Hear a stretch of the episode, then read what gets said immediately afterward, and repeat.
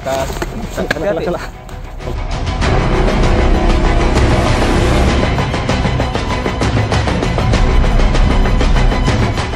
Ah, Anda dengar sendiri? Kaget kan seperti itu. Eh, ada orang yang sedang ditarik, diseret bangkai manusia, diseret sama macan masuk ke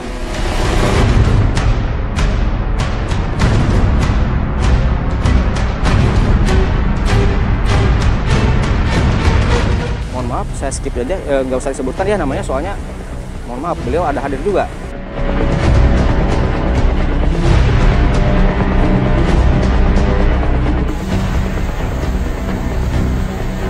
Nah ini ada batu berdiri. Ini memang dulu sih nggak ada.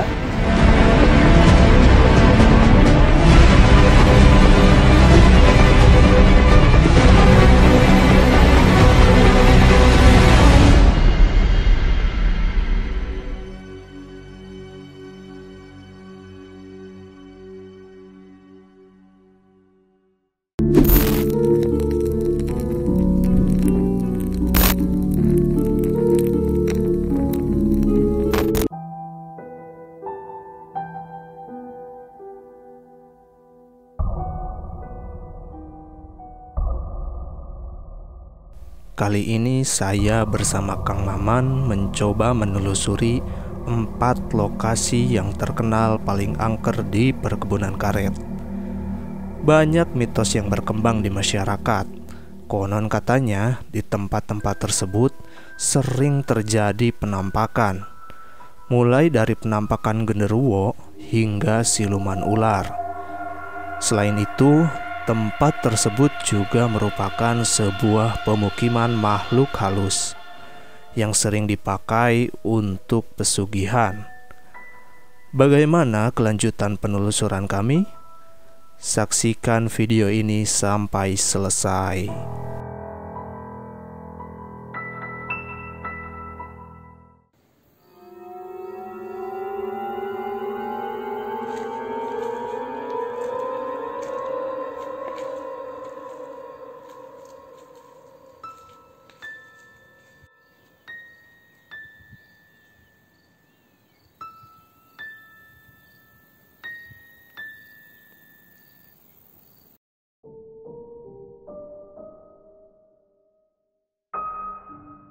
Jadi kita sekarang sudah ada di tempat kita yang pertama yaitu Batu Wajid ya.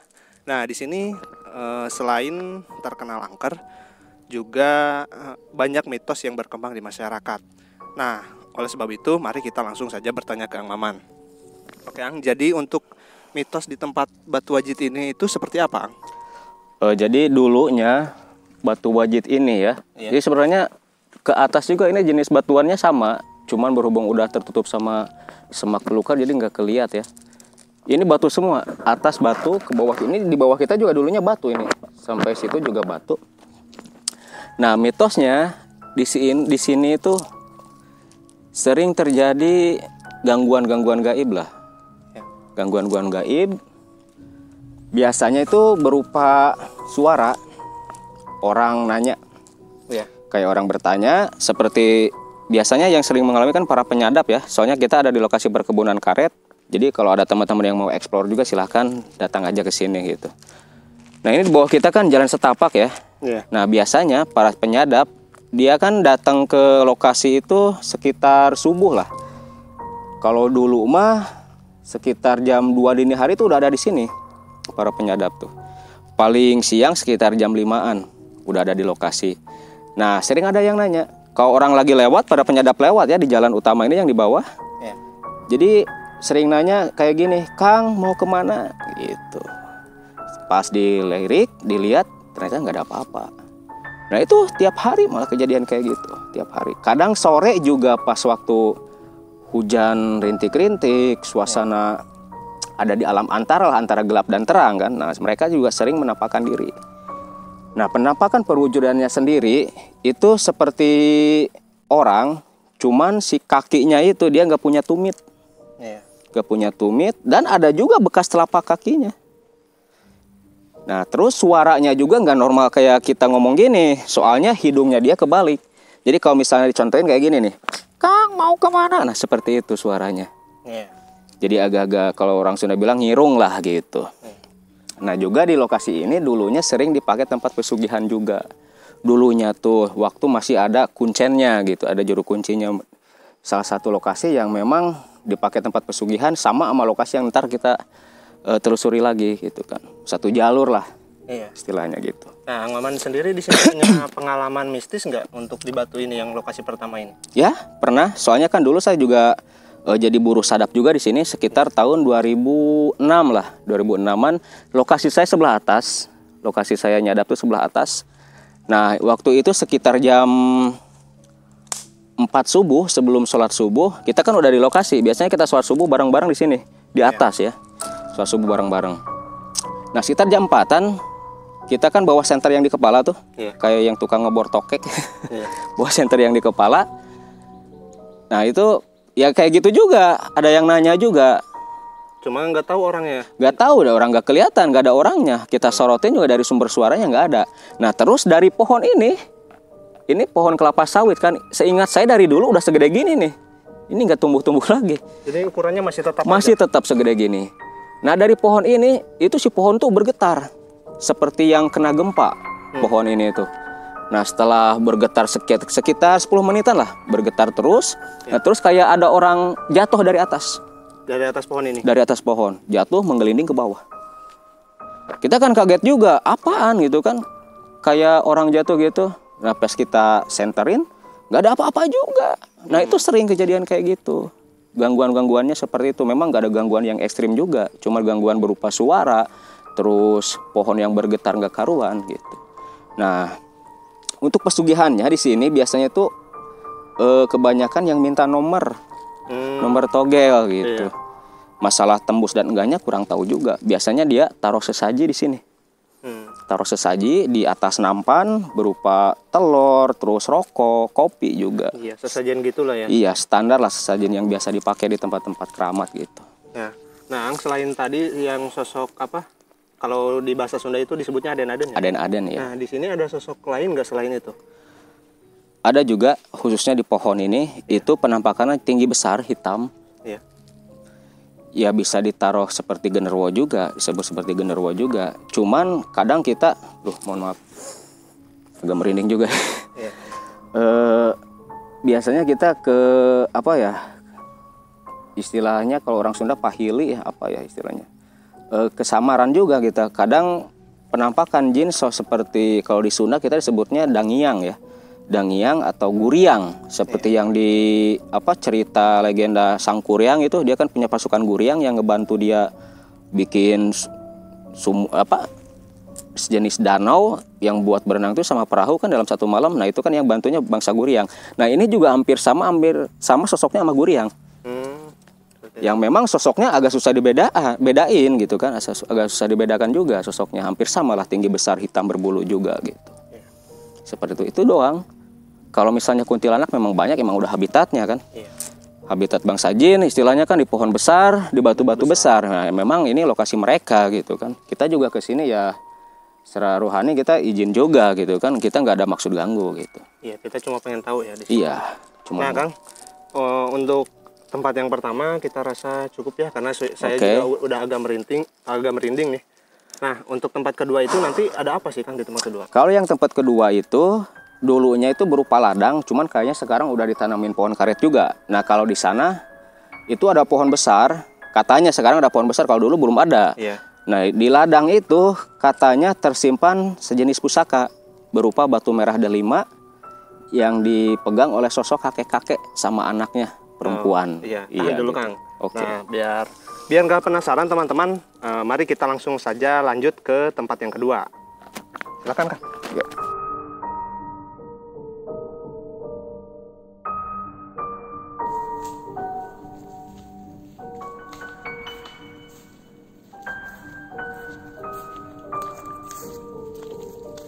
Setelah cukup, kami melanjutkan penelusuran ke lokasi kedua, di mana ada pohon loak besar. Konon katanya di lokasi ini terdapat batu merah delima yang disembunyikan oleh makhluk halus. Bagaimana penelusuran kami selanjutnya? Tonton sampai selesai video ini.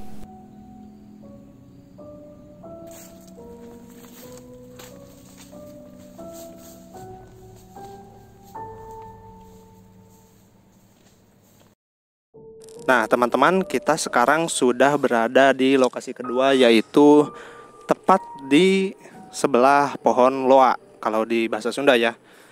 Nah, jadi apa aja sih yang ada di sini? Nah, kita langsung saja bertanya ke Ang Maman. Oke.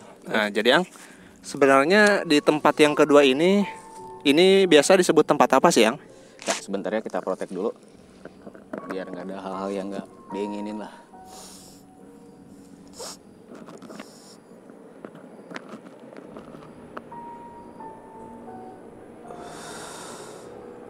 Oke, agak merinding juga. Ini sebenarnya bukan keramat atau apa pun itu ya. Nah, di sini kenapa kita eksplor di sini? Ini tempat tersimpannya satu jenis benda pusaka Iya. sejenis batu merah delima di sini tuh. Nah, kejadiannya itu sekitar tahun 2007-an lah, 2007. Saya kan masih tadi saya bilang kan 2006 saya jadi buruh sadap di sini kan. Iya. Nah, ini juga salah satu lokasi eh, masih dekat sama yang tadi gitu kan. Cuman kalau dulu di sini itu belum ditanamin pohon karet kayak gini. Jadi ini dulunya tuh ladang, ladang pertanian Oh iya. sebelahnya di situ pohon karet. Nah berhubung di sini tanahnya kurang baik buat tanam pohon karet, jadi dibikinlah ladang pertanian sama karyawan yang kerja di sini. Salah satunya ayah saya. Iya. Nah ini lokasi kita berdiri sekarang itu bekas ladang ayah saya dulu. Dulunya. Iya jadi sini dulu tanami padi, terus palawija segala macam gitu kan. Nah kejadiannya tuh dulu ayah saya sekitar jam setengah empatan sore Iya. habis asar dia kan masih di lokasi di sini kan habis kalau nggak salah habis tanam pohon kentang kalau nggak salah dulu tanam kentang hujan. Hmm. Nah dulu di sini dekat pohon ini tuh ada saung. Di sini. Ya saung tempat istirahat kita kan. Nah ayah ketiduran di sini. Nah pas lagi ketiduran antara kondisi sadar dan enggak gitu. Jadi ada kakek-kakek masuk ikut berteduh di sini. Terus bilang kalau bahasa Sundanya gini, jang tong nyuhan di dia, mending asupnya ke imah bapak. Jadi jangan berteduh di sini, masuk aja ke rumah bapak. Gitu sama- kata si kakek-kakek itu. Nurut deh si bapak tuh. Dari sananya tuh ngikut sama si bapak-bapak itu. Nah rumahnya sebelah depan sana sejenis rumah panggung. Rumahnya sejenis rumah panggung. Nah dia ngenalin anggota keluarga di sana yang di dalam tuh. Jadi cuma bertinggal tinggalnya tuh cuma dua orang. Si bapak itu kakek-kakek itu sama anaknya perempuan. Cantik banget kata bapak tuh. Kata bapak saya cantik banget. Nah terus bilang si kakek ini kalau di sini tuh kalau mau ada batu merah delima Iya. tempatnya di situ Di pohon ini. pohon ini, persis pohon ini. Batu merah delima kalau mau ambil aja. Itu. Nah, terus ngomong dia sama saya si bapak tuh. Setelah pulang dari sini bilang kalau di eh, ladang Huma ya kalau orang Sunda bilang di Huma itu ada batu merah delima. Nah, saya kontak deh guru saya dulu tahun 2007-an, Wak ya, Wak saya di daerah Cikoneng sana Ciamis. Wak, ada barang bagus nih, barang apaan? Merah delima. Berarti itu pas Ang Maman dulu masih belajar ilmu-ilmu Ya, kandungan seperti itu masih ya? belajar ilmu-ilmu seperti itu. Nah setelah itu, oke deh, gua datang sono. Iya. Datang ke rumah sama adik seperguruan saya, udah tua, cuma berhubung eh, bergurunya Bareng-bareng gitu ya. bukan bareng-bareng setelah Oh, saya masuknya, jadi dia masuknya sep- adik seperguruan gitu kan, walaupun udah namanya Engkus, Iya. namanya Tungkus. Nah datang ke rumah itu sekitar hari Kamis sekitar jam habis duhuran lah. Iya. Nah, akhirnya kita diskusi menyediakan peralatan tertentu buat ritual kan seperti madat, kemenyan, sesaji dan dan sebagainya buat ritual pengambilan pusaka gitu kan. Nah, malamnya habis Isya kita berangkat dari rumah ke sini. Iya. Rumah dari rumah ke sini langsung gelar tikar di sini nih. Iya.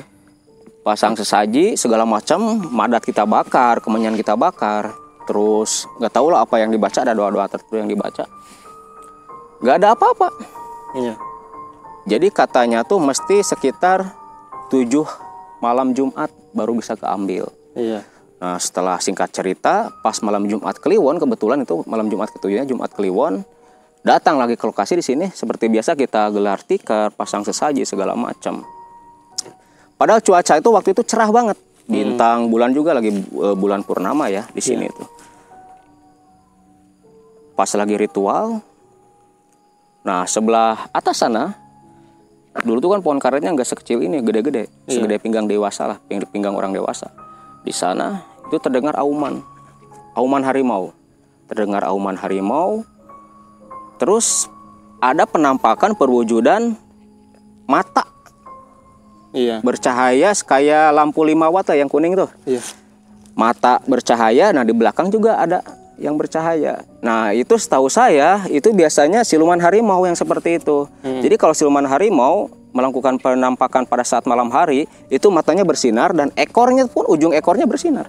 Jadi tiga kayak tiga senter gitu Iya. sebelah sana. Nah setelah penampakan harimau itu langsung Hujan deras. Bel- belum hujan, angin. Yang pertama datang angin. Itu pohon ini pohon di sekitar sini sampai bergoyang, sampai berputar, sejenis puting beliung lah. Turunlah hujan deras. Hujan deras. Padahal cuaca lagi bagus loh. Lagi bulan purnama, mustahil juga kan lagi bulan purnama, lagi cerah banget datang hujan. Iya. Nah, akhirnya kita lari juga ke sebelah sana. Dulu di sebelah sana itu ada kayak saung juga kayak saya ma- sama kayak yang di sini, ada saung juga. Kita istirahat di sana. Itu si atap saung sampai terbang kena angin tuh. Nah akhirnya kita kedinginan juga kan, soalnya nggak ada persiapan jas hujan atau segala macam. dah. Soalnya kan cuaca lagi cerah banget waktu itu. Nah setelah hujan agak reda, kita balik lagi lah sini. Ritual lagi. Akhirnya bakar kemenyan baru juga, soalnya kan udah basah tuh yang di sini. Bakar kemenyan baru. Datanglah si kakek itu. Iya. Tapi nggak bilang apa-apa, dia cuma berdiri aja di sini nih. Berdiri di sini. Nah, setelah si kakek datang, dia ngilang lagi. Ngilang lagi. Nah, baru muncul batu.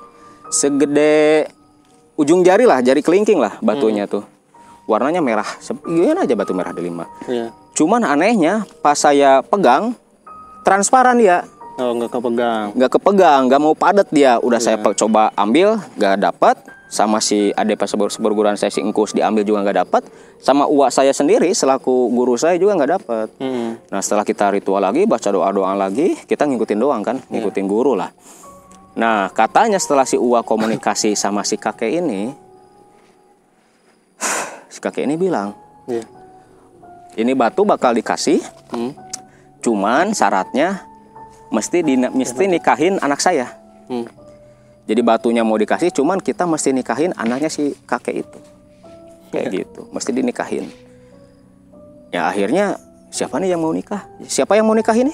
Kata guru saya itu kata Uwa. Saya bilang, Kus, Kus, kamu aja deh yang nikahin. Iya. Males Kang, Akang aja yang nikahin. Ya, gua kan masih bujangan. Kalau gua nikah sama Ajin, gua gak bakal nikah sama cowok, sama cewek kan. Bukan cowok, cuma cewek kan gitu. Iya. Akhirnya kita saling tunjuk, Hmm. akhirnya nggak ada yang mau nikahin ya akhirnya gagal deh batunya nggak keambil. Padahal kata si kakek ini ya tahu sendirilah para eh, sahabat tatar bakuan alam tahu sendiri khasiat batu merah delima seperti apa mitosnya seperti apa kan tahu lah Iya. buat jabatan kekayaan segala macam ya walau alam juga kan kita kurang tahu juga soalnya belum pernah pegang juga Tapi kalau zaman dulu mungkin ingin ya itu. ya? Ih, pengen banget kalau dulu. Kita kan ada kebanggaan tertentu lah di mana kita pegang pusaka-pusaka seperti itu gitu. Nah, Kang, eh, tadi kan cerita ya dari Akang mengenai pengalamannya dulu di sini pernah eh, me- mencoba untuk mengambil batu Iya. merah delima. Nah, nanti di lokasi ketiga itu ada apa, Kang? Selain di lokasi ini? Lokasi ketiga kita ntar agak ekstrim sebenarnya. Lokasinya agak ekstrim, horor juga, malah banget. Jadi di lokasi ketiga nanti itu eh, situs alam lah, kayak Iya. situs alam sejenis batuan yang sama orang sekitar, orang orang sini, orang perkebunan itu disebutnya batu kasur. Batu kasur. Batu kasur. Nah, untuk tidak berlama-lama, bagaimana kalau kita langsung saja ke lokasi ketiga, Kang? Oke, siap. Iya, silakan, Kang. Yuk.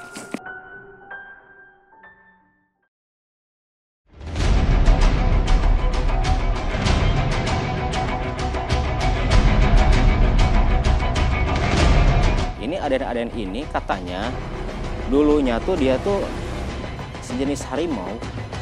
Harimau cuma karena usia yang sudah eh, katanya udah ratusan tahun dia jadi bangsa siluman. Jadi kita bukan niat mengganggu ya? Iya. Nah, Anda dengar sendiri Aduh, saya kaget kan. seperti itu. Ini ada bekas. Ada orang yang sedang ditarik, diseret bangkai manusia, Iya. diseret sama macan masuk ke sana.